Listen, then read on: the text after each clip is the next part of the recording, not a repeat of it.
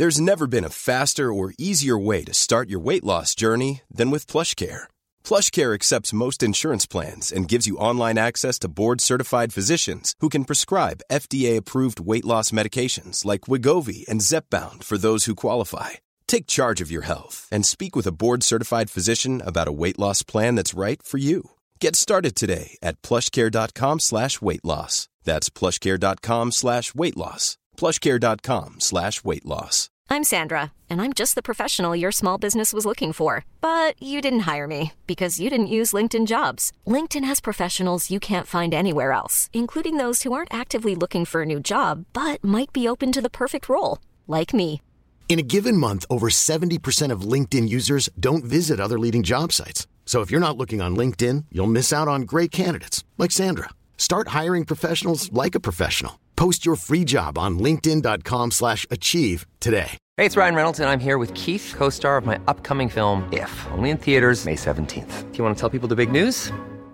All right, I'll do it. Sign up now and you'll get unlimited for $15 a month in six months of Paramount Plus Essential Plan on us. Mintmobile.com slash switch. Upfront payment of $45 equivalent to $15 per month. Unlimited over 40 gigabytes per month. Face lower speeds. Videos at 480p. Active Mint customers by 531.24 get six months of Paramount Plus Essential Plan. Auto renews after six months. Offer ends May 31st, 2024. Separate Paramount Plus registration required. Terms and conditions apply if rated PG. Det här är podden Utan dig med mig Alexandra. Och mig, Emily. Det här är en podd som handlar om förluster och framförallt förlusten av våra barn. Vi kommer att prata osensurerat och öppet från våra hjärtan. Vilket kan göra att innehållet väcker mycket känslor.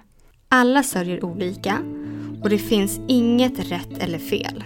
Men risken finns därför att någon kan ta illa upp. Men vi hoppas att våra lyssnare inte ska ta illa upp på något sätt.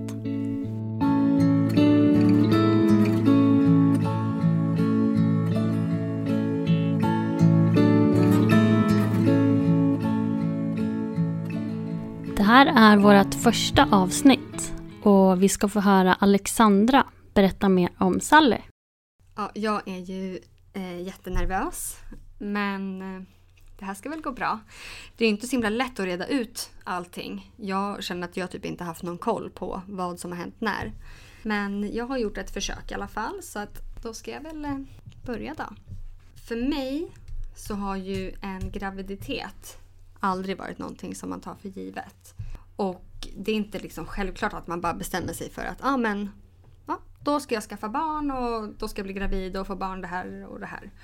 Och det var ju faktiskt precis så som det blev även för oss. Att det var ganska svårt för oss att bli gravida när vi väl ville det och vi drabbades av ett missfall, ett tidigt missfall och sådär. Men sen så vart vi gravida med vårt första barn så det var ju jättetrevligt.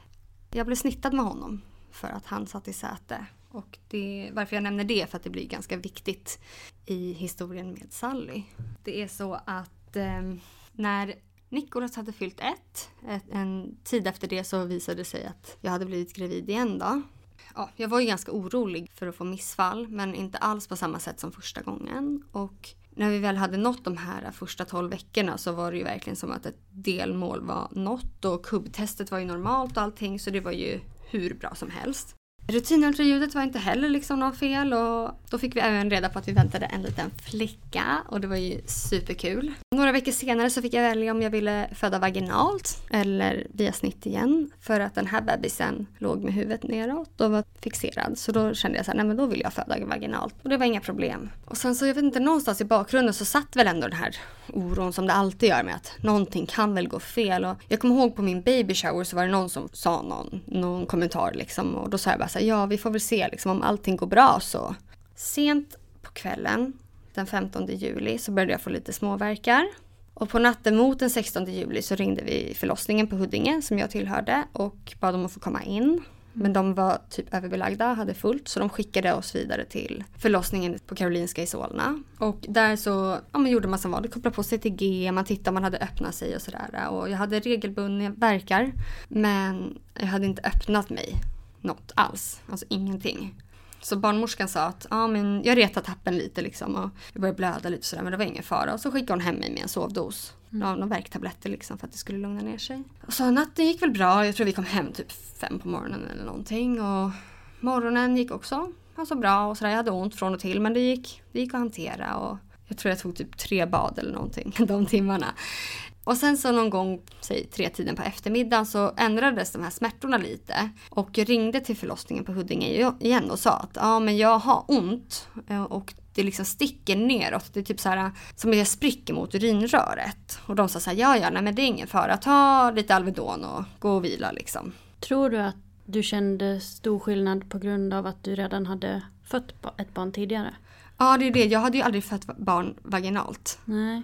Jag hade ju bara blivit snittad. Så att eh, jag hade ju aldrig haft verkar. Så jag visste ju liksom ah. inte vad som var rätt och vad som var fel. Nej, men du, nu vart det ändå en annan smärta. Ja, mm. precis. Och eh, det som jag vet i efterhand är ju att det är början på min ruptur. Mm. Så varje gång jag fick en verk så öppnades mitt sår lite till hela mm. tiden.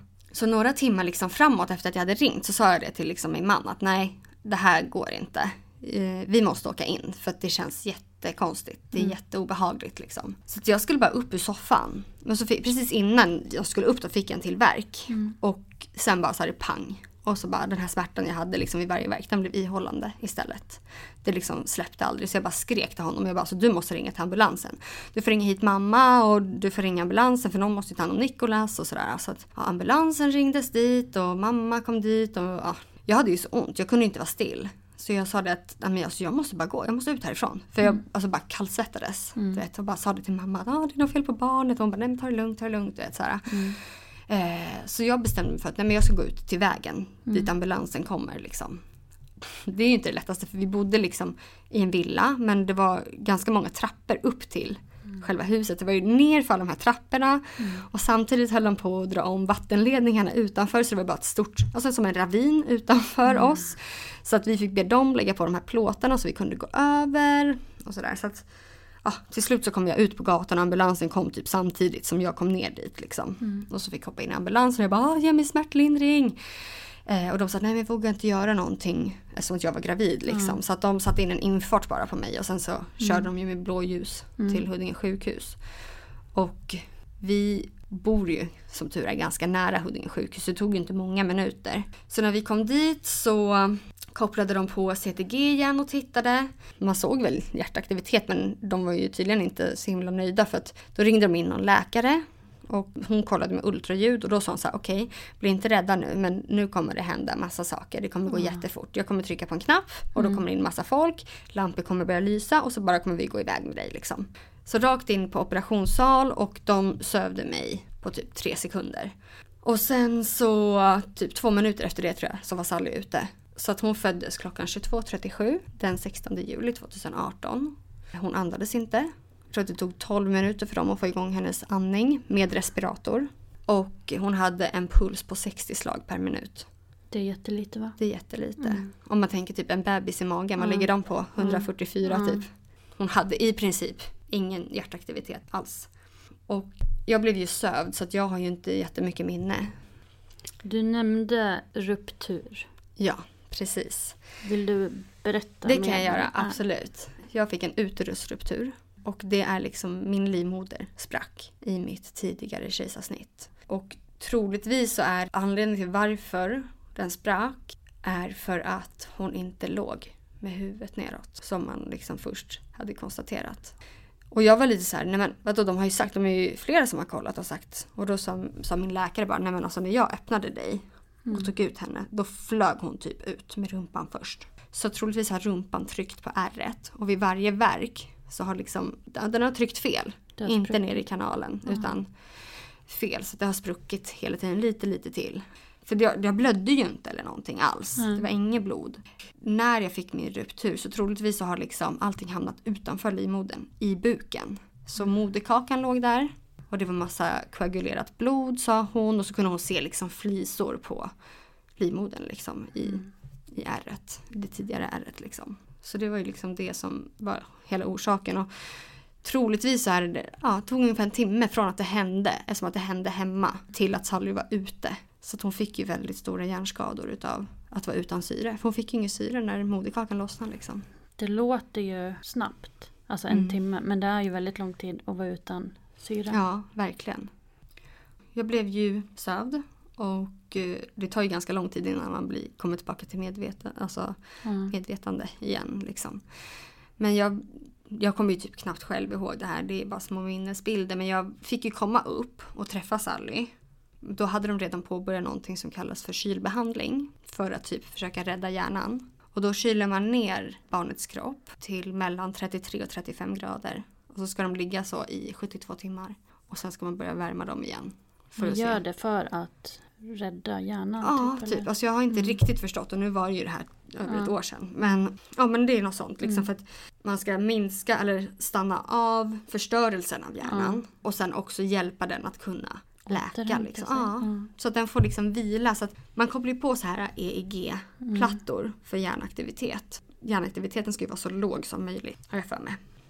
Men när du såg Sally första gången, Ja, då låg hon alltså i respirator? Ja jag tror Eller det. i kyl? Ja, de hade påbörjat kylbehandling. Alltså, min första bild av Sally, som jag liksom, Sam hade ju fotat henne. Och Men- visat dig innan? Ja, nere på uppvaket. Ja, hon såg, alltså, om jag tänker tillbaka på hur hon såg ut då första gången jag typ såg henne och hur hon faktiskt såg ut sen så är det två helt olika barn. Vad är det som är olika? Hennes ögon, alltså då så typ rörde hon sig mer. Har jag för mig. Alltså jag var ju typ hög. alltså jag vet inte. Mm. Och hennes ögon var annorlunda, hela huvudformen var annorlunda. Sally fick ju, hennes huvudform blev ju jättekonstig. Sen? Ja, men det var ju för att så lite av hjärnan levde typ. Mm. Så huvudet blev ihoptryckt kan man säga. Jag vet inte om du tänkte på det, du har ju träffat Sally. Ja, jag har ju träffat Sally. Tänker mest på att hon var väldigt söt och liten Ja, och, och mörkhårig. ja, precis ja. Men hennes huvud hade ju liksom en annan form. Alltså det var så här, Nej, det, tänkte, ja, det var det liksom- tänker jag inte på. ansiktet det var ju runt och sen Mm. så uppe typ där hjärnan är, det var så intryckt lite. Nej. Nej. Alltså tänk dig typ ett barn som precis har fötts och legat Ja. i liksom, vad Ja. det, kanalen. Mm. De får ju också lite Ja. speciellt huvud. Typ så var hennes huvud där uppe. Och så kunde man känna liksom mitt uppe på huvudet så hade hon som en liten kulle, alltså jag vet inte. Mhm. Som en, en bergskedja hela vägen framifrån och bak. Ja, så att det var väl någonting liksom. Och jag frågade ju om det. Då sa de att nej, men det kan bli så när barn får en hjärnskada. Sen vet inte jag, det stämmer ju säkert absolut inte för alla men Sally fick så i alla fall. Var ni många på sjukhuset då? Kom Nikolas eller var det... Nikolas tror jag kom efter en vecka. Mamma var ju där hela tiden. Alltså Mm. när jag opererades och sådär. Och, Hon och Sam var där och pappa kom dit också. För att först så visste de ju inte ens om jag skulle klara mig. Så att det var liksom hela tiden sa de så här, "Ja, vi vet ingenting, vi vet ingenting, vi vet inte om Alexandra kommer klara sig, vi vet inte om bebisen kommer klara sig, vi vet inte. Ni får vänta. Jag har ju inga känslor gentemot det för att jag Nej, du... upplevde ju aldrig det liksom. Men jag vet att typ som Sam tog ju, alltså han tyckte att det var jättejobbigt. Och mamma och pappa också ju. Mm. Som inte vet någonting. Men jag var ju aldrig orolig för mig. För att mig var det ju liksom inget fel på Mm. enligt mig. Jag Mm. mådde ju bra liksom. Men vad sa de om Sally? När hon låg där i kylbehandlingen? De sa att man vet ingenting förrän de här 72 timmarna har gått. Okej. Om man ska göra magnetröntgen. Efter på, det? Ja, på hjärnan för att se. Så att efter de här 72 timmarna, eller ja, 70 timmar i Sallys fall då, så började man värma henne. Det var liksom på natten så att hon på morgonen skulle vara värmd till 37 grader igen. Man värmer ju jätte, jättesakta hela tiden. Och eh, då när hon var uppvärmd till vanlig kroppstemperatur så tog man henne på magnetröntgen och tittade ja, hur hjärnan såg ut och sådär. Och när hon kom tillbaka så fick vi resultatet att man kunde se en förändring på något som kallas de basala ganglierna som är det motoriska centrat i hjärnan. Och då sa man väl typ så här, ja antingen så kommer hon inte kunna gå och inte kunna sitta och sådär. Eller så kan det visa sig bara att hon har svårt att greppa med ena handen. Så att det är ett jättestort spann. Ja, verkligen. Nu vet ju vi att det var mycket värre än att hon inte kunde sitta. Mm, Ja. Hon kunde liksom inte ens blinka. Men eh, då var det typ så här, "Aha, okej, men det kan jag leva med. Jag kan leva med att hon blir Mm. rullstolsbunden. Det är jättejobbigt men Mm. det är okej. Jag förstod aldrig hur allvarligt det kunde bli. När hon liksom, när man hade värmt henne så skulle man väl börja väcka henne. Men eftersom att hon hade haft respirator och sådär så kunde man inte bara dra den hur som helst utan man var tvungen att kolla så att hon kunde andas själv och att hon kunde syresätta sig. Man gjorde ultraljud på hennes lungor och såg att vissa delar av lungan var typ så avstängda. Mm. Så att det var på röntgenbilder visade det sig som så svart bara. Och då fick hon genomgå en behandling där man liksom, det här respiratorröret hon hade i halsen, det vibrerade hela tiden. För att göra att slemmet släpper. För det var slem som hade satt för de här luft, jag vet inte, luftblåsor eller något sånt där i lungan som gjorde att hon inte kunde få ner luft hela vägen i lungan. Så det var efter det som man skulle minska på vibrationerna mm. och då skulle lungan börja funka normalt och sådär. Kunde ni hålla i henne? Och... När hon låg på sin kylbehandling så då kunde man ju typ hålla i handen eller i foten. Men jag tyckte att det var jätteläskigt. Man vill ju inte riskera att värma henne. Mm. Fast man, man gör ju inte det men det blir ändå så här läskigt liksom. Men fyra dagar efter att hon hade fötts så fick jag hålla henne första gången. Med alla sladdar och mm. slangar och du vet respirator och allt vad det är liksom. Så fick jag sitta där och då var det typ så här, ja ah, men ska du hålla, var beredd att sitta några timmar för att det är ett himla meck att flytta. Så jag tror att de var fyra stycken som hjälpte till att flytta på Sally till min famn. För det var någon som höll fast respiratorn, det var någon som höll i sladdarna på huvudet och det var någon som, ja men du vet, hela tiden. Någon fick flytta undan någon grej. Och, så det var typ så här, har du kissat? Mm. Har du ätit? Typ, ja, så fick man sitta där liksom i mm. minst två timmar. Mm. Helst längre liksom. Ja, så det är jättekonstigt. Det är jättestor skillnad från typ när jag fick Mikolas. Som var direkt upp på bröstet mm. och så var det bara att ut och köra typ. Mm. Så det var ju det som hände liksom först i början. Hur länge var ni där på sjukhuset? Vi var där i nästan tre veckor tror jag. Två och en halv vecka. Eller något sånt där. Hon fick ju ha även det här EEG som jag nämnde tidigare, de här plattorna, metallplattor på huvudet för att kolla hjärnaktivitet. Mm. Den som man ville ha så låg som möjligt. Den ville man ju sen skulle öka. För att när hon hade, det är liksom det som visar på att hjärnan funkar. Så att när man minskade på medicinerna så skulle hjärnaktiviteten gå upp. Mm. Och den gick väl upp men det var liksom, jag kommer inte ihåg vad det hette men hon hade som så pauser i hjärnan. Och det var ju inte särskilt bra. Mm. Det visade också på skador på hjärnan. EEG visar ju också om de har krampanfall och sådär. Och jag vet att Sally hade två stycken på sjukhuset. Ett som vi inte kunde se med ögat. För då mm. hade hon det bara liksom i Hjärnan typ? Ja, i hjärnan. Och sen ett som hon hade liksom där hela kroppen vet, krampade. Mm. Det är ju lite läskigt när de får kramp alltså. Så då fick de ju öka hennes krampmedicin och så. Och jag tror att det var innan hon fick sin kramp. Då kunde man ändå se att hon hade en sugreflex. Mm. Men den kom ju aldrig tillbaka efter det. Man typ knockade ju henne med krampmediciner. För då var det typ så här, att se en sugreflex är ju lite av en vinst. Ja. För det betyder att hon kan svälja. Men hon kunde ju inte det sen. Hon kunde inte göra någonting. Så att vi väntade ju typ på att saker skulle hända, så hon skulle utvecklas hela tiden. Men det gjorde hon ju i princip inte. Jag kommer ihåg att jag satt och väntade jättelänge på att hon skulle öppna ögonen. För de var ju stängda hela tiden. Och sen så öppnade hon ju ögonen men sen mm. kunde hon inte stänga dem igen. Mm. Så att från att hon öppnade sina ögon så kunde hon ju aldrig stänga dem igen. Jag kommer ihåg att ni gav henne eh, vätska. Ja, ögonsalva. Vätska. Ja, mm. ögonsalva. Just för att hon inte kunde blinka eller stänga. Mm. Ja. Så fick man hjälpa henne det så att det skulle skydda ögonen. Och i början var man ju jättenoga med att det får bara ge det två gånger om dagen för att man vet inte hur mycket hon ser och sådär. Mm. Men sen så sa man att nej, det spelar ju liksom ingen roll. Så länge, alltså hon ska bara ha det bra.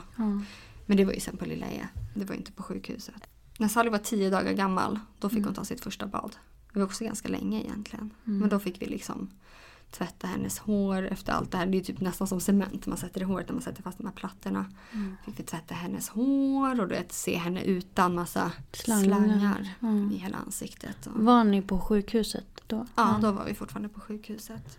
Var det så att du och ni vågade tvätta henne själva eller var det det var personal, en personal med. Ja. Det var hon som sa att vi gör det här ja. nu. Liksom. Och då kunde man ju märka, Sally tyckte om att bada. Mm. Det gjorde hon hela tiden.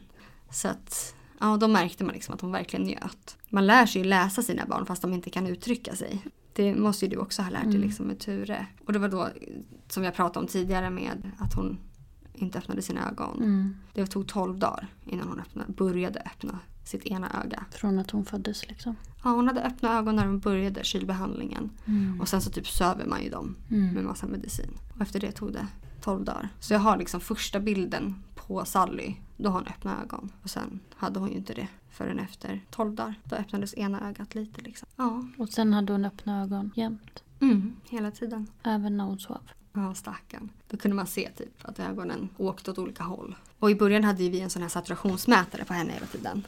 Som mätte liksom syresättningen. Och då kunde man ju se på pulsen. När hon sov. ja, för det var jättesvårt att läsa av annars.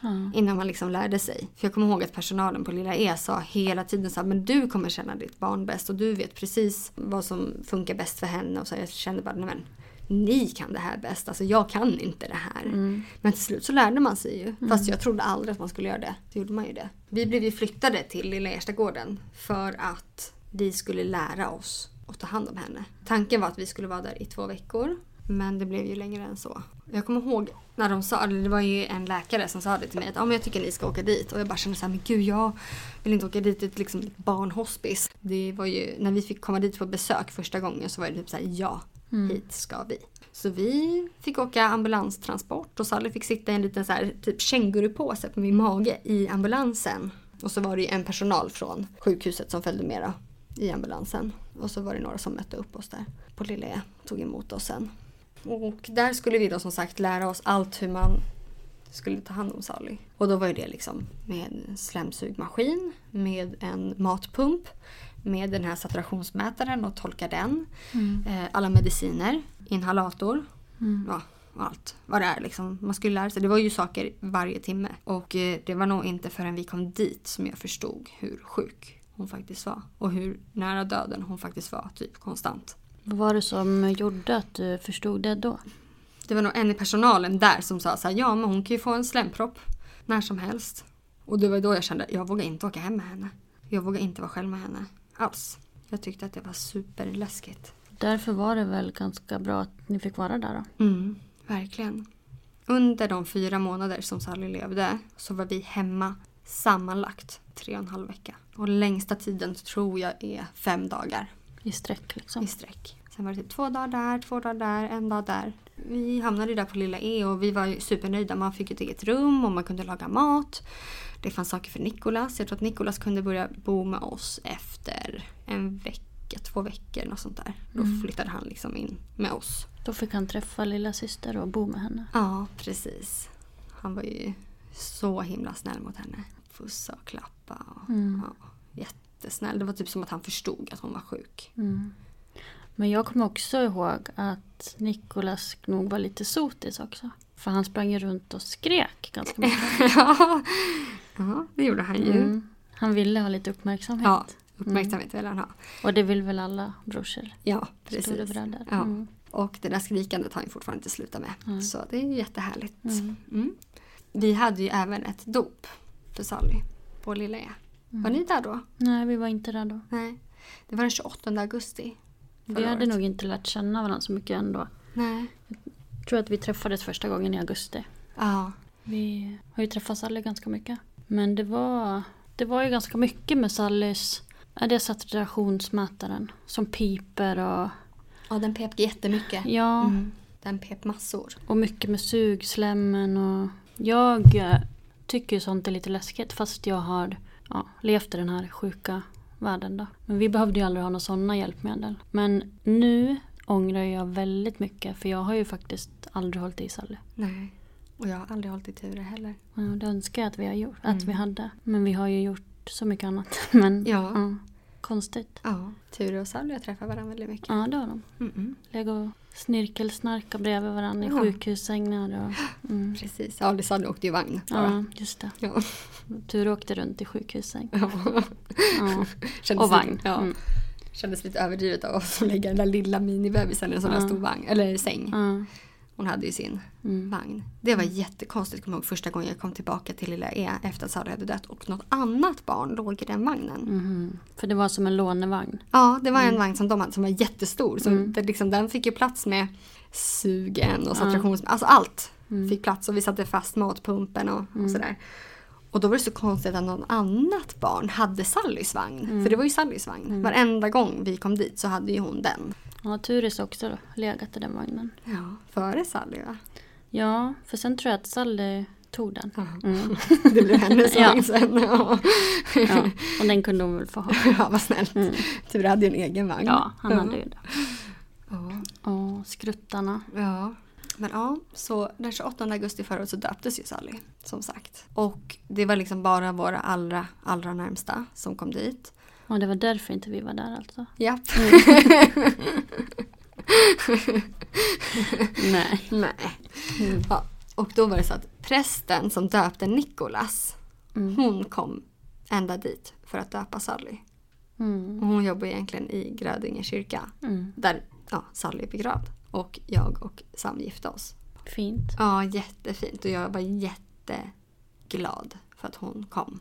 För henne var det liksom, ja hon bara självklart, jag kommer. Men hur kunde ni komma på att ni ville ha ett dop?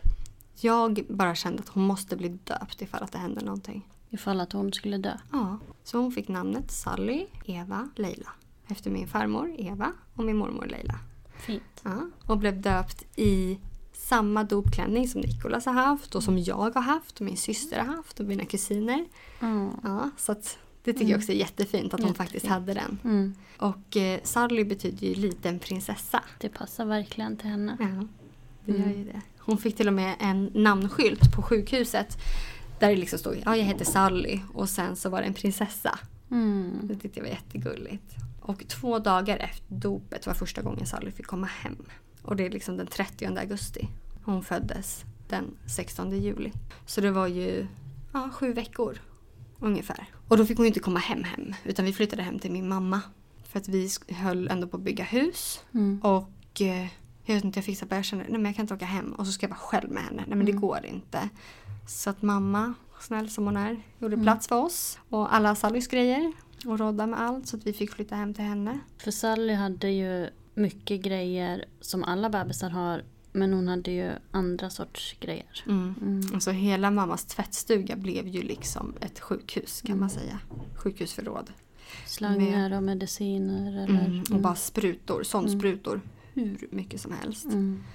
Och kompresser och liksom... Och det där är ju så jävla deppigt. Ja. För man vill ju ha gulliga mjukisdjur och snuttefiltar. Inte några jävla slangar. Och sprutor liksom. Mm. Och bara mediciner Mm. överallt. Såklart att de har gosedjur också men... Men det är inte det som syns. Om det skulle komma in en bekant då är inte det gosedjuren de ser. Om man säger så. Mm. Och Sally fick en sån där sjukhussäng som Ture kördes omkring på, på Lilla E. Sån hade hon hemma. Mm. Som man kunde liksom vinkla och sådär. Och den tog ju upp typ halva rummet och väger liksom ett ton typ.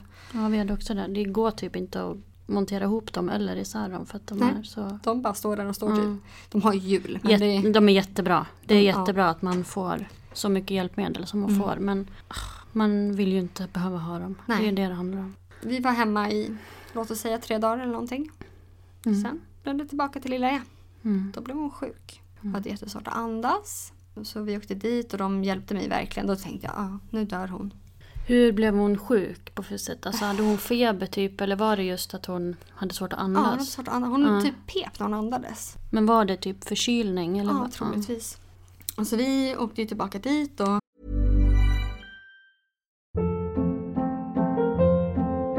Hold up. What was that? Boring. No flavor. That was as bad as those leftovers you ate all week. Kiki Palmer here, and it's time to say hello to something fresh and guilt-free. Hello Fresh. Jazz up dinner with pecan-crusted chicken or garlic butter shrimp scampi. Now that's music to my mouth. Hello Fresh. Let's get this dinner party started. Discover all the delicious possibilities at hellofresh.com. Hiring for your small business? If you're not looking for professionals on LinkedIn, you're looking in the wrong place. That's like looking for your car keys in a fish tank. LinkedIn helps you hire professionals you can't find anywhere else, even those who aren't actively searching for a new job but might be open to the perfect role. In a given month, over 70% of LinkedIn users don't even visit other leading job sites. So start looking in the right place. With LinkedIn, you can hire professionals like a professional. Post your free job on linkedin.com slash achieve today. ja, vi, alltså, det var ju absolut inget fel. Vi trivdes ju där. Och sen mitt i allt det där så skulle Nikolas inskolas på förskolan.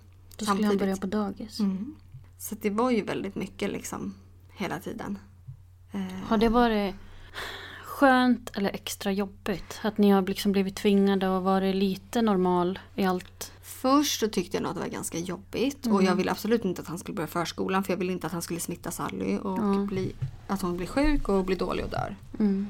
Men sen så kände jag någonstans liksom att men han måste ju få leva sitt vanliga liv. Så det blev skönt sen att Nikolas fick sina rutiner ändå och fick vara Nikolas och inte bara vara på sjukhus hela dagarna. Även fast lilla Erstegården påminner ju inte om ett sjukhus så är det ju faktiskt ett sjukhus. Och det är inte så himla kul för honom att sitta där och se sina föräldrar vara ledsna och stressade och oroliga hela tiden. Utan han fick vara iväg och vara Nikolas och leka med sina kompisar.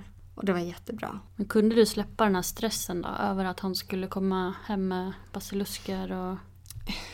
Nå, inte i början. Då var det direkt när, när vi hade hämtat honom, tvätta händerna, byta kläder, du vet, allt det där. Eh, men sen mot slutet så, då kände vi bara så att blir hon sjuk så blir hon och då kanske det blir skönt för henne. Jättehemskt men ja.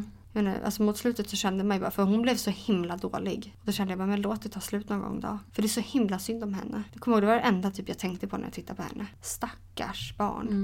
Att behöva må så dåligt hela tiden. För det kunde man verkligen se att hon gjorde. Jag kommer också ihåg det. Att hon såg så himla smal ut och Ja. blev ganska blek va? Ja, hon blev typ grön i hyn. Och jätteinsjunken och helt svart under ögonen. Och du vet. För att hon kunde ju inte tillgodose sig eh, maten. Men hon fick mat via en sond i näsan, var det så? Ja, precis. För tanken var väl att man skulle operera en knapp på magen. Så att hon kunde få mat där. Men det kunde man ju inte göra så tidigt. Och sen så blev ju inte hon så gammal. Hon var kanske för svag för en sån operation eller? precis. Ja. S- När Sally föddes så vägde hon 3314 gram. Och sen nästa gång man vägde henne så vägde hon 3,7 kilo. När hon var fyra månader nästan. Det betyder att hon gick upp 400 gram på fyra månader. Så att hon var ju så smal. Alltså hon såg ju ut som ett så här svältbarn man ser på TV.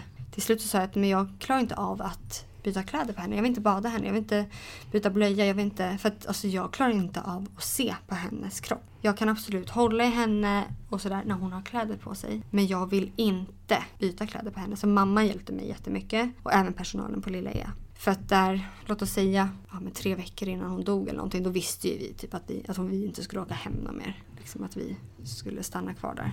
För från att de sa till er på sjukhuset att hon kanske inte skulle kunna sitta. Eller kanske inte skulle kunna greppa. Liksom när fick ni något besked från någon läkare att typ hon kommer inte överleva eller hon kommer inte kunna blinka? Alltså var det någon som liksom sa någonting till er? Nej, alltså inte vad jag kan komma ihåg. Det var ju helt så ja men det är kritiskt och det, men jag tror liksom man var väl i en sån chock att man inte förstod att, att det var så illa. Det var inte förrän på Lilla E. När de liksom typ sa det till mig. Okej. Att hon kan dö när som helst. Det var ingen som, alltså jag blev jättechockad. Jag bara, men va? Alltså det här har ingen sagt till mig. Eller det här med att man inte skulle göra hjärt-lungräddning på henne.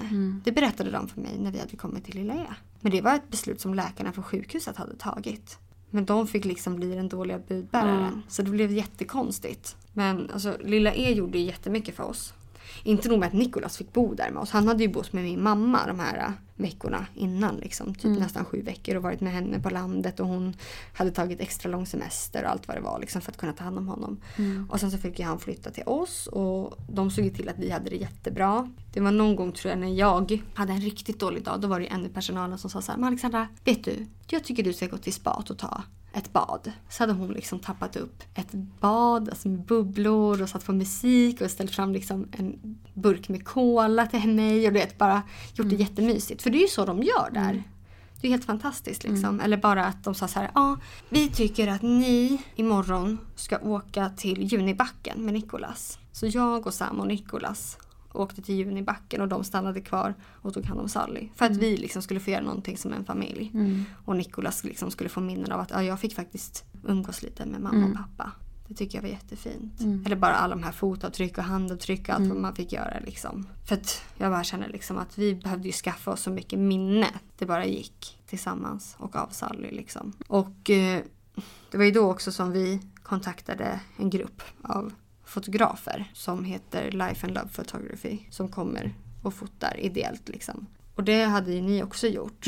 Jag vet inte om det var du som tipsade oss om det. Jag kommer faktiskt inte ihåg. Jag Vi fick tips av en annan Krabbes mamma. Det är en jättefin eh, organisation kanske man ska kalla det. Där är ett gäng fotografer som åker till familjer i kris och tar fina bilder. Som man får. Och en fotobok fick vi Ja, också. Mm. Vi med. Jättefint att ha kvar som minne. Och våran fotograf har ju även varit med och fotat både Sallys begravning och Sallys urnsättning. Hon är helt fantastisk liksom. Så det är jag också jättetacksam för. Att vi har liksom fått de minnena också. Det var ju inte förrän ja, mot slutet av oktober tror jag som vi förstod att det inte gick åt rätt håll med Sally. Jag kommer ihåg en gång när jag skulle träffa folk första gången. Förutom i september när min moster fyllde år. Men då var min bästa kompis som skulle ha så här födelsedagsfirande. Och jag bara kände men jag, alltså jag kan inte gå in dit. Jag ringde henne och bara grät. Jag bara så här, går inte. Jag vet inte vad jag ska göra. Hon var så här, nej men du får välja. Vill du prata om Sally eller vill du inte prata om Sally? Och så, då sa jag så här, nej jag orkar inte prata om Sally idag. Och då sa hon så okej men då säger jag det till alla innan du kommer. Och så pratar vi liksom inte om Sally. Utan vi kan prata om annat. Det var jätteskönt men alltså så mycket ångest jag hade för att gå in dit. Det var helt, nej. Och det var väl typ ja, dagen efter det som vi liksom fick besked att Sally inte skulle leva särskilt mycket längre. Det var för att de såg att hon, hon utvecklades liksom inte. Eller Nej. hon, Hon utvecklades inte, hon kunde inte tillgodose sig maten. Eh, hon var jättespänd i kroppen, behövde jättemycket mediciner. Allt möjligt liksom. minns du hur det kändes när... När vi fick det beskedet. Mm. Det var en jättestor lättnad, men jag blev så ledsen. För det var liksom, jag vet inte, först var det så här, men gud vad skönt. Hon slipper lida, vi slipper liksom bo på sjukhus. Jag kan bara åka hemifrån när jag vill.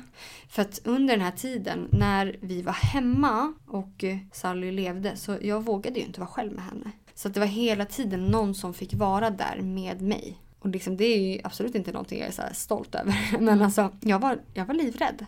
Alltså, jag vågade inte vara själv med henne. Var det för att du inte vågade... För du sa att du inte ville bada henne eller klä på henne, byta blöja. Ja, Var det för att du ville ha stöd med sådana saker? Eller var det mest för att du var rädd att någonting skulle hända? nej det var för att något skulle hända. Ja, du ville absolut inte vara själv om, med Nej. henne om hon skulle dö. Typ att hon skulle få en slempropp. För det kommer jag ihåg också. För jag bara, men vad gör jag? Frågade jag i personalen. Så, vad gör jag om det är så att hon får en slempropp? Och då sa hon så här, ja, men du ringer ambulansen och sen är det bara att sitta och hålla i henne. Mm. Bara sitta och krama henne. Och jag bara känner, men hur ska jag kunna sitta där och bara hålla om henne? När hon inte kan få luft. Alltså, det, jag, det, alltså jag kan inte göra det. Jag bara, jag alltså det vill inte jag. Och jag vet att det var flera tillfällen så här, när jag märkte att nu går hennes syresättning ner, det är ingenting som hjälper. Och personalen visste ju om det här när vi liksom var där på plats. Så att det var ju alltid någon som satt bredvid mig när, när Sally var sämre. Och det var någon gång som jag sa så här, jag bara alltså, nej nu kan inte jag hålla längre. Jag, jag klarar inte det här liksom. Jag, bör, alltså, jag kunde inte andas själv. Så då var det ju någon som tog över liksom. Jag vet inte, jag kommer bara ihåg, alltså jag får den här känslan nu liksom när man tänker på det. Det blir så här, jag kan inte andas. Det, nej usch. Det var jätteläskigt liksom. Kan du få dåligt samvete över det? Att du typ inte ville hålla i henne? Ja, alltså- ja, jag fick det då tror jag. Mm. Men inte nu längre. Då kände jag som, men gud vad är jag för mamma som inte ens känner att jag klarar av att hålla mitt eget barn. Men så känner jag nog inte nu för att jag höll ju henne så mycket jag faktiskt klarade av att göra liksom. Ja. Och det är ju inte en normal situation att sitta och behöva ta hand om liksom sitt döende barn och sitta och hålla i det i famnen. Det är inte så det ska vara liksom. Det var ju inte för att du inte ville hålla i henne. Nej. Alltså, Det var för att jag inte ville hålla i henne när hon dog. Och det hade jag sagt hela tiden. När vi visste liksom att Sally skulle dö, då ville jag önska vilken personal som skulle ha hand om oss. Alltså vilken sjuksköterska som skulle ha ansvar för oss liksom. Och eh, jag tror att det gick att ordna liksom hela tiden. Men så var det en, en av mina liksom som jag kanske kände mest trygghet till. Hon skulle jobba på tisdagen och så var hon sjuk. Så det var så, ha okej, segt liksom. Men eh, sen så var det en natt och jag tror att vi kände på oss att Sally skulle dö den natten. Eh, det var en fredag, fredag samma vecka. Jag var väl inne på toa och det var ju sent på kvällen. Här brukar nattpersonalen komma vid 10-11 någon gång på kvällen. Så det var ju mörkt ute och det var mörkt liksom i Sallys rum och sådär när jag gick därifrån. Och sen så när jag kom ut från toaletten så är det liksom helt tänt inne på rummet. Och det direkt bara, gud, nu har det hänt någonting. Och så kom mamma ut och typ jätteglad. Så jag fattar ingenting. Och hon bara, ja ah, men Alexandra har du sett vem som jobbar ikväll? Då är ju det den här sjuksköterskan som jag ville ha på tisdagen. Hon jobbar alltså natt den natten. Vilket är jättekonstigt. För att hon brukar inte jobba nätter liksom. Så det kändes ju jättefint verkligen. Men vad var det som gjorde att ni kände på er att det var så pass nära att ni trodde att hon skulle somna liksom in? Jag vet inte. Alltså, det, när en människa håller på att dö, då får ju de en annan typ av hy. De blir liksom lite mer glansiga i hyn. De andas på ett annat sätt. De luktar ju på ett väldigt speciellt sätt. Mm. Så jag vet inte, det var nog bara det. Hon hade gjort det i några dagar liksom. Och så bara, jag vet inte, det bara kändes liksom som att det skulle vara den natten. För att Sally är ju född den 16. Och det här var natten till den 16. Alltså det var den 15 på kvällen så efter 12 skulle det bli den 16. Så det bara kändes som att ja, det kanske är så. Att hon dör den 16 också på något sätt. Så symboliskt liksom. Mm. Men mamma var där och ehm, som jag sagt tidigare, jag vågade ju inte ta hand om Sally men mamma sa så ja men vill du, jag ska gå och fixa mig för kvällen. Vill du ha henne själv eller ska jag ringa in någon personal? Och då sa jag till henne, nej men gå och fixa ditt liksom. Hon bara okej jag ska gå och borsta tänder eller ja jag vet inte, hon skulle gå på toa i alla fall och eh, gå och fixa en kopp te och då sa jag till henne, nej men jag, jag kan fixa teet medan du är på toan liksom. Jag kan gå ut dit i allrummet eller ja, i köket liksom. Så jag gick dit och fixade det och hej och hå, mamma gjorde väl sitt på toan och så kom hon ut och vet jag att hon höll på, stod framför spegeln eller någonting inne i Sallys rum liksom. Och så, så går jag dit och bara, men mamma, hallå, hör inte du att Nikolas skriker där inne? Och det här kanske var 11 på kvällen eller någonting. Eller senare 12, 12 måste det ha varit. Eh, Hon bara, nej det har inte jag hört. Så jag liksom lämpade över Sally till henne och sa så ja men jag går in liksom Då hade han vaknat och var då ledsen. hade han vaknat och var ledsen. Så jag gick in och la mig där bredvid honom och så kom jag ihåg att jag bara tänkte så här, men alltså snälla, låt det här bara vara det. Låt det bara vara. Alltså låt henne få dö nu. Låt henne få slippa allt liksom. Så tror jag att jag slumrar till. Och sen så, klockan kanske är två på natten eller någonting. Då säger mamma att eh, Alexandra, jag tror att Sally har tagit sitt sista andetag.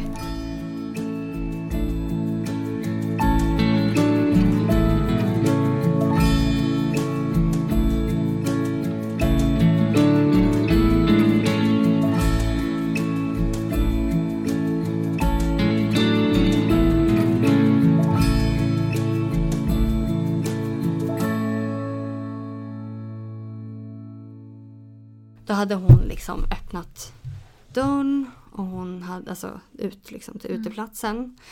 Och eh, sjungit Blinka lilla stjärna och bara liksom gjort det så här fint. Då höll hon i Sally. Hon höll i Sally när Sally tog sitt sista andetag liksom. Och det kändes så himla skönt. För att jag hade ju sagt hela tiden att jag vågar inte hålla henne när hon dör. Och nu var det som att hon och Nicolas gav inte mig ens något val. Det var liksom han vakna och då tog hon beslutet typ åt mig. Att den här liksom, det här kommer jag göra nu när mamma är med Nicolas.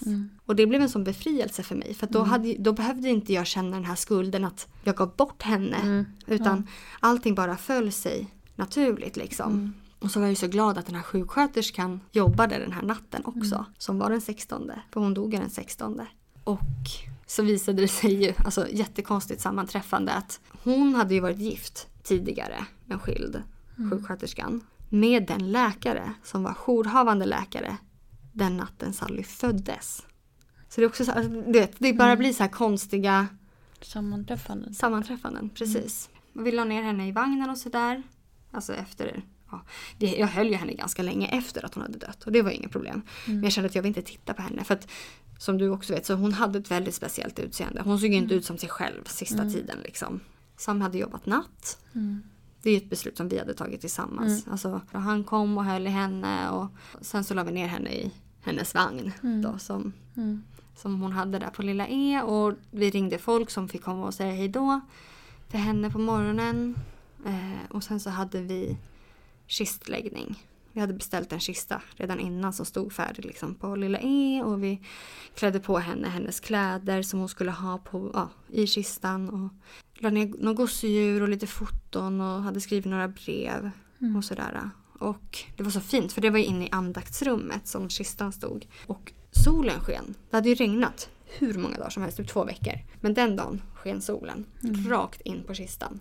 Ja, så vi la ner och sa liksom hej då och allt sånt där. Och sen så la vi på locket, skruvade på locket liksom. Och sen gick vi faktiskt därifrån. Och var inte där. Eller vi var på Lilla E men vi var inte med och tog emot den här bilen som kom och hämtade henne. Det slapp vi liksom se. Och det är ingenting jag ångrar.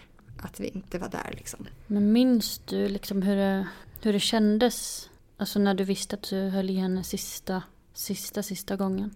Mm, för mig var ju liksom det inte... Jag vet inte, säkert var man i chock. Men alltså, jag, jag ville bara inte se hur hon såg ut efter att hon hade dött. Alltså hon kunde inte ens stänga sina ögon. Liksom. Jag ville inte se att de vet, tappar färg och allt vad det nu alltså, Så jag tyckte nästan att det blev obehagligt till slut när hon började bli stel och sådär. Så att det var inte... Ja, jag kommer ihåg att jag liksom la ner henne i vagnen och tänkte att det här är liksom sista gången jag håller i henne. Men det var ju ändå inte så här att det kändes sorgligt på det sättet. För att den Sally jag kände hade ju försvunnit flera dagar innan. Liksom. Men det är klart man saknar ju allt det här att få hålla och pussa och lukta. Och, Men inte så som hon luktade på slutet. Det var ju inte särskilt mysigt liksom. Och sen så åkte vi hem den eftermiddagen. Hade ni mycket av Sallys saker som stod där hemma då? Nej, det hade faktiskt min mamma redan plockat undan innan vi kom hem. Var det både sjukhusgrejer och Mm. eller liksom var Sallys bebisgrejer då? Det hade hon också tagit upp på vinden. Jag hade ju bett henne ta bort allting. Vi hade själva åkt, vi hade ju tagit liksom alla sjukhusgrejer, sprutor och allt sånt till lilla Erstegården. För de skickade det vidare till något barnsjukhus i något annat land. Så det hade vi tagit dit. Och sen eh, kom ju habiliteringen och hämtade typ, ja, men hennes säng och lite andra saker, typ droppställning och sånt. Och alla hennes eh, hjälpmedel kunde vi lämna kvar också på Lilla E. Så fixade ju de med någon som kom och hämtade det. Så det, nej, det var fixat allting. Och sen så var det ju bara att planera begravning. Gjorde ni det ganska på en gång? Hade ni pratat mycket om det innan eller? Mm. Vi hade pratat en del om det och du och jag pratade ju också Mm. mycket om begravning och det här med eh, om man skulle kremera och inte. Mm. Det typ var ju det- typ ett av våra första snack vi hade Ja, i köket. Som sjuk grej att prata om. Ja, för jag hade ju sagt till dig att jag kan inte tänka mig att bränna upp Sallys kropp. Och då sa ju du någonting till mig som bara gjorde att "Ah, jag måste bränna upp hennes kropp. Och det var ju att du sa att du inte ville att Ture skulle bli uppäten av maskar. Mm. Då kände jag nej, det vill inte jag heller att Sally ska bli. Att kryp och sånt ska äta på henne. Usch, nej usch, panik av att tänka på det. Mm. Hur ska man kunna välja mellan en sån sak? Det är liksom det är för sjukt för att fatta att vi ens har gjort det. Ja, vilka beslut man liksom måste ta Ja. och tänka på liksom. Mm. Men vi har ju gjort det. Mm. Och hoppas att vi aldrig behöver göra det igen. Ja, verkligen. Det var väl liksom Sallys berättelse. Mm. När du tänker på Sally nu, tänker du på läskiga syner eller på fina?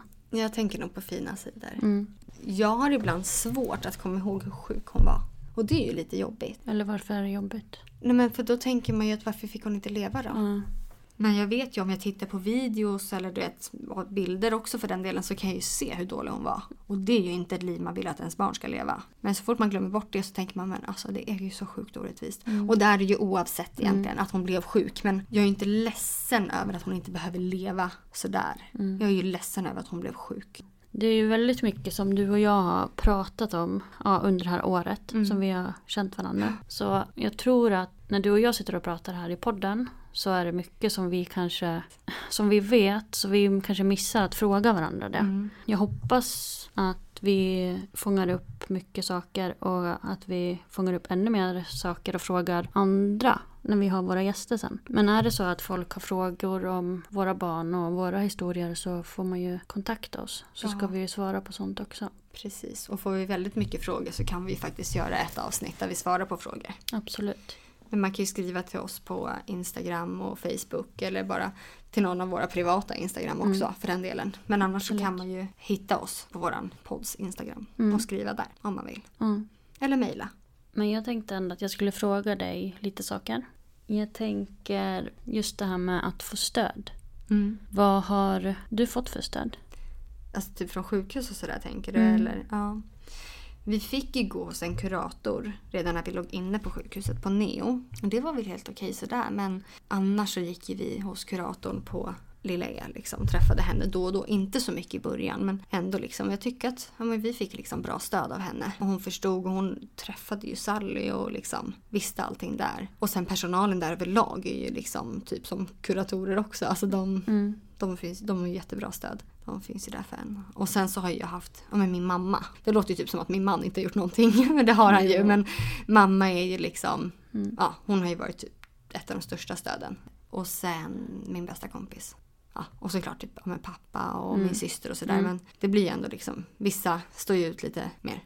Men är det någonting som du känner att du hade velat haft mer stöd i? Det är jättesvårt. Inte sådär som jag kan känna från sjukvården. Det enda jag vet är att jag liksom aldrig blev kallad på någon efterkontroll av min barnmorska på mödravårdscentralen. Så här som alla mammor får. Mm. Det blev jag ju aldrig. Hon försökte ringa mig en gång och så ringde jag upp och så svarade hon inte och så tänkte jag jag skiter i det här. Och efter det så hörde hon ju aldrig av sig mer liksom. Men blev du och din kropp behandlad som om det vore ett vanligt kejsarsnitt? Det blev jag. Mm. Mm. Men din kropp är ju som att det vore ett normalt kejsarsnitt. Eller är... Mm, precis. Hon som snittade mig sa liksom att ah, jag skar bort alla slamsor så det blev ett jättefint nytt snitt och så bara sydde jag ihop det. Och jag, i början så visste ju inte jag ens om jag fick bli gravid igen eller om jag ens hade min livmoder kvar. Alltså ingenting visste jag. Men hon var jättebra den läkaren och sa liksom att allting är som det ska och om ni vill så kan ni skaffa barn. Så det var ju skönt när ni vill och kan. det är det. Men vi kunde börja försöka när vi ville. Så.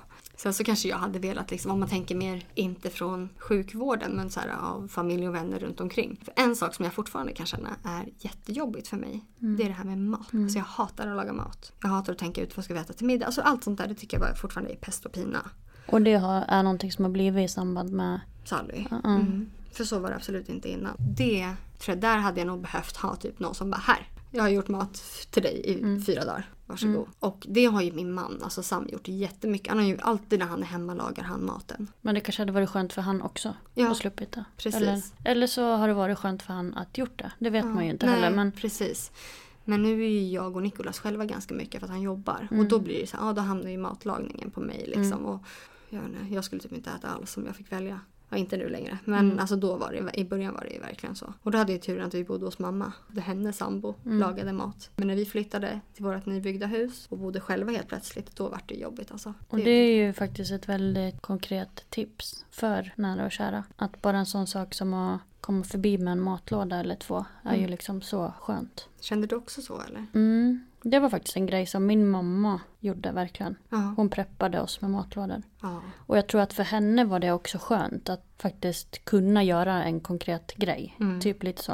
Men jag tror att om många skulle komma till mig med massa matlådor så kanske jag skulle tycka att det var jobbigt att träffa alla som kommer matlådorna. Men då kanske jag skulle säga ställ dem utanför dörren.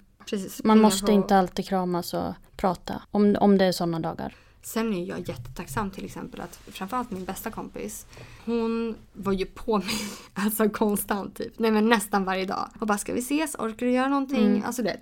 Hon gav inte upp. Nej, och det är typ det som behövs. Alltså man, kan, man ska inte ge upp. Man ska fortsätta vara. Alltså även om man själv känner att ah, jag är ju för jäkla jobbig. Så är man ju inte det. Det är bara det att, att typ som jag orkar inte. Men att hon orkar fortsätta dra i mig. Det lyfter ju. Det kände jag var liksom, jag var jättetacksam för det. Och hon bad om ursäkt flera gånger och sa så här, men är det jobbigt? Jag sa till henne, nej men alltså du får jättegärna fortsätta. Även om jag inte orkar. Gör det. Så hon gjorde ju det. Bra också av henne att liksom fråga. Vill du att jag ska fortsätta eller inte? Ja, precis. Är det någonting annat då som du känner att du, så från dina nära och kära så, är det någonting som har varit extra bra? Som du har uppskattat extra mycket av vad folk har gjort? Oj. Ja, så bara det att vi fick bo hemma hos mamma. Det var ju liksom, det här var ju från med sina månad, två månader efter att Sally föddes liksom. Och sen till att vi flyttade in i vårt hus. Och att hon tog hand om Nikolas. Och var hemma liksom med mig mycket och sådär. Det går ju inte ens att, alltså jag kan inte visa tacksamhet på något sätt. Fast det vet hon att du är. Ja, jo, Ja. jo men det gör hon ju säkert. Men det är ju så här, ja, du vet, man kan ju aldrig Nej, vad heter det, åt, åtgälda det på något sätt. Kanske ta hand om henne när hon är gammal. Låta henne flytta in när hon Mm. är skruttig. Komsi, komsi. Nu har du sagt det här också så nu har hon, det, nu. har hon bevis. Nu har hon bevis, ja. Men är det någonting som du känner då att du hade velat haft mer av? Förutom matlådorna? Ja, alltså så här i efterhand, absolut. Att man att fråga mer om Sally och prata om Sally. Inkludera henne i allt typ. För ibland känns det som att man glömmer bort att Nikolas är storebror och har ett syskon och att vi liksom är en familj på fyra fast det inte syns. Det tror jag. Jag tror att många tycker att, jag vet inte om de är rädda för att trampa mig på tårna eller om de faktiskt glömmer bort eller tycker att nej men nu, nu mår du ju bra igen eller någonting. Och det är så här, Sally kommer ju alltid vara mitt barn. Jag vill ju prata om henne. Jag vill få frågor om henne. Det kan jag känna att jag saknar. Vill du prata om henne både jobbiga saker och roliga saker? Eller är det något som du vill mer än något annat? Ja, alltså jag vill ju gärna att folk liksom frågar. Det kan vara vad som helst egentligen. Även om man tänker att ah, det är läskigt så kanske ja, men fråga mig om hur en slemsug funkar. Jag svarar gärna. Jag kommer ihåg när du väldigt gärna ville visa mig en bild på Sally. När hon var död. Ja. Och jag ville inte se den då. För jag vet inte, jag var lite rädd för det. Mm. Men nu så kan jag verkligen förstå det. För jag skulle väldigt gärna vilja visa en bild på Ture där han är död. För han är så fin. Men jag tror att alla bara ska försöka prata mer. Och så får man helt enkelt säga stopp. Från alla håll. Ja, alltså det är bättre, tror jag, att fråga och sen i så fall få svaret jag orkar inte prata Ja. idag. Än att inte fråga och Mm. låtsas som ingenting. För Mm. det tycker jag är jättejobbigt. Mm. Men brukar du typ försöka starta konversationen? Nej, inte riktigt. Jag brukar ju prata om Sally. Liksom. Ja. Alltså, inte så att jag verkligen försöker prata om henne men jag nämner ju ändå henne. Liksom, Att ah, men när, när jag fick Sally eller du vet, så här, nämner någonting. Liksom. Men det är ju aldrig någon som fortsätter prata. Jag vet inte hur du har känt av men det är typ så jag har upplevt. Eller att man säger ah. Men vad, vad vill vi att folk ska säga då? Ja det är ju svårt. Jag tror att jag vill att folk både ska säga typ jag kommer ihåg att Ture hade så gulliga kinder. Och jag vill också att folk ska säga Åh, tänk om Ture hade varit här nu. För det, just det där med typ att kommentera typ om hur de såg ut. Det har jag märkt att typ folk som följer mig på Instagram. De är jätteduktiga med att du vet, kommentera. Ja men gud Sally var så himla gullig. Och du vet, så här. Men det är typ ingen av mina vänner som pratar om hur hon såg ut. Eller vill se bilder eller du vet något sånt där. Och det är jättetråkigt. För att jag får ju väldigt ofta höra att Nikolas är så himla gullig. Och då vill jag säga, men hallå Sally, Sally är väldigt lik. Ja. Nikolas. Väldigt gullig. Väldigt gullig. Men brukar det uppstå situationer där du liksom har fått frågan så här, hur många barn har du eller har du barn? Ja det har det gjort några gånger. Hur känner du i sådana stunder? Det är lite olika. Ibland är det de här stunderna när man liksom inte orkar prata om det. Då säger jag bara jag har ett barn. Du gör det utan att, eller liksom får du, du får inte dåligt samvete över det? Nej. I början fick jag det, men inte nu. Men sen så var det ju någon gång som det var typ så här. Jag var och handlade kläder till Nikolas. Bara. Alltså för då hade Sally dött. Och då var det någon som bara. Ja men hur gamla är dina barn? Och då var jag bara så här, nej men jag har bara ett. Eller alltså. För då hade jag ju bara köpt kläder till Nikolas. Och då var det så här, eh, alltså jo jag har ju två. Men det är bara en som lever. Så det är bara en jag har köpt kläder till nu liksom. Och då blev det så lite konstigt. Men annars säger jag att jag har två liksom. Om jag inte blir sådär chockad. För då hade jag ju bara verkligen Nikolas i tanken. För det var ju bara honom jag hade köpt kläder till. Så då var det liksom konstigt. Men annars så, det är klart jag har ju två barn. Just det där har varit en väldigt stor grej som jag har tänkt på. Eller det var nog mer i början. Just att jag var väldigt nervös att få frågan typ har du barn? Och hur gammalt är ditt barn? Och, för jag visste inte vad jag skulle säga och jag visste inte vad folk, eller ja, hur mycket de skulle orka höra. Ja. Typ, och hur mycket jag skulle orka säga. Men där kan ju jag själv. Styra. Ja. Liksom. Mm. Det, det där är svårt. Just med ålder. Det är ju himla svårt tycker jag. För att, vad ska man säga? Ja, hade Sally levt idag hade hon varit över ett år. Men hon blev ju bara fyra månader. Så om någon frågar mig, ja men hur gamla är dina barn då? Ja, den ena blir snart tre och den andra blev bara fyra månader. Jag är ju liksom... Jag fick tips av en annan änglamamma. Hon sa att du kan säga att du har ett barn, han heter Ture och han bor i himlen. Så det har verkligen varit min standardreplik. Typ.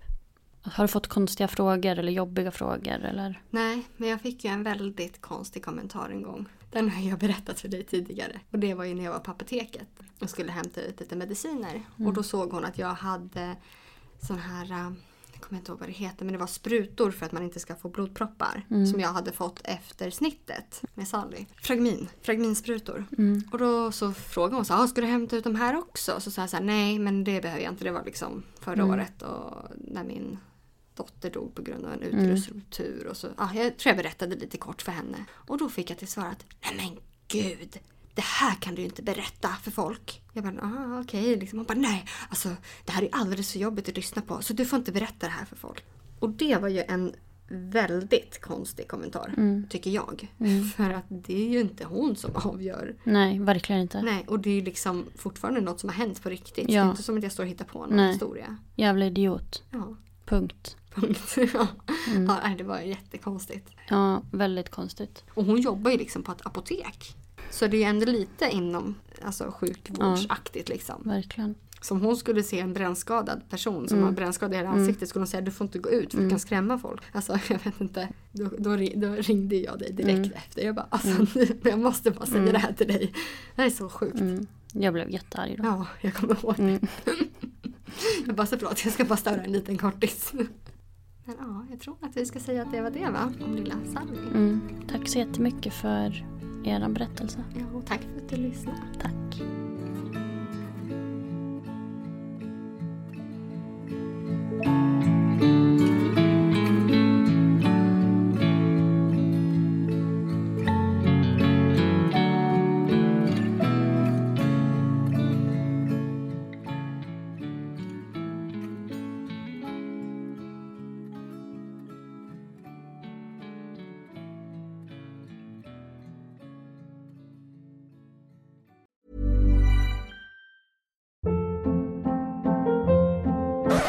Hold up. What was that? Boring. No flavor. That was as bad as those leftovers you ate all week. Kiki Palmer here, and it's time to say hello to something fresh and guilt-free. Hello Fresh. Jazz up dinner with pecan-crusted chicken or garlic butter shrimp scampi. Now that's music to my mouth. Hello Fresh. Let's get this dinner party started. Discover all the delicious possibilities at hellofresh.com. Planning for your next trip? Elevate your travel style with Quince. Quince has all the jet setting essentials you'll want for your next getaway, like European linen, premium luggage options, buttery soft Italian leather bags, and so much more. And is all priced at 50 to 80% less than similar brands. Plus, Quince only works with factories that use safe and ethical manufacturing practices. Pack your bags with high-quality essentials you'll be wearing for vacations to come with Quince. Go to quince.com slash pack for free shipping and 365-day returns.